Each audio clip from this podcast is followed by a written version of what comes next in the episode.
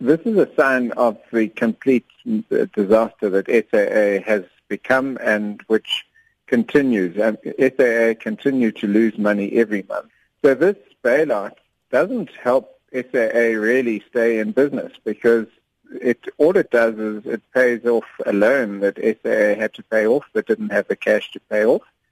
And the the business of SAA continues running at a loss. So we anticipate that further bailouts are likely to happen in the not too distant future just to keep SAA going. Die finansiële verknorsing van SAL verdiep verder. Altesaam 9 miljard rand SAL lenings by banke was die afgelope Vrydag betaalbaar. Minstens een bank het aangedui hy wil sy lening van 2,5 miljard rand nie verder laat hernie nie. Die regering se kommunikasieafdeling het bekend gemaak dat 2 miljard rand uit die nasionale reservefonds oorgedra sal word aan SAL om SAL se skuld by Standard Chartered Bank te delg.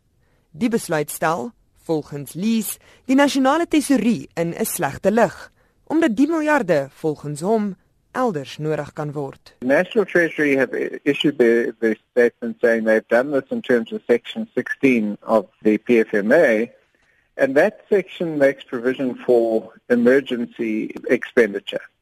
Now, when you think of an emergency expenditure, we, we would probably think about an earthquake or you know, an invasion from a, a hostile military, something really serious. We would never think that an airline being unable to pay its debts would constitute an emergency which required unbudgeted expenditure of 2.2 billion rand.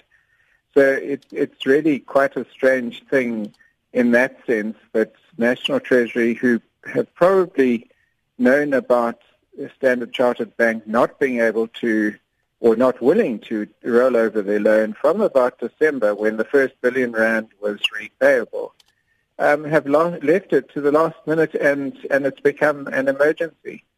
Lees sê die land en politieke leiers kan nie terugsit en kyk hoe SAL in skuld verdrink en dan gered word met belastingbetalers geld nie. The options are the option that apparently the ANC have adopted and that to to bail it out with taxpayers money.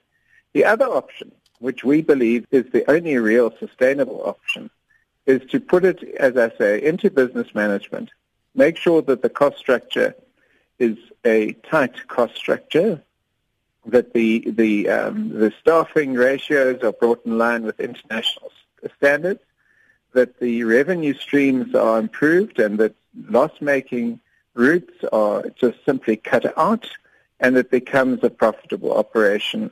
That really is is what they should be looking at, and we'll continue to push for that. I mean, we can't simply now accept that it's a disaster and, and the taxpayers just got to keep bailing it out. Hy het ook kritiek teen die minister van Finansies, Malusi Gigaba, wat nie dieselfde pad as sy voorganger, Pravin Gordhan stap wat SAL betref nie. Whereas really what they, they should be doing is they, they should now seriously look at putting SAA into business rescue and uh, stabilizing its operations and then looking seriously at a private equity partner. That does not seem to be the new Minister Gigaba's um, agenda.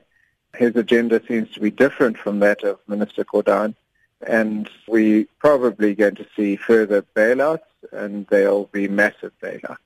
Nie SAL of die tesourier of die minister se kantoor het gereageer op monitor se navraag nie. Intussen het die kajuit bemanningsvereniging SAKA verlede week gesê hy gaan strafregtelike klagte indien oor finansiële vergrype en bedrog wat glo deur SAL bestuur gepleeg is. Ek is Henry Wondergem vir SAK nuus.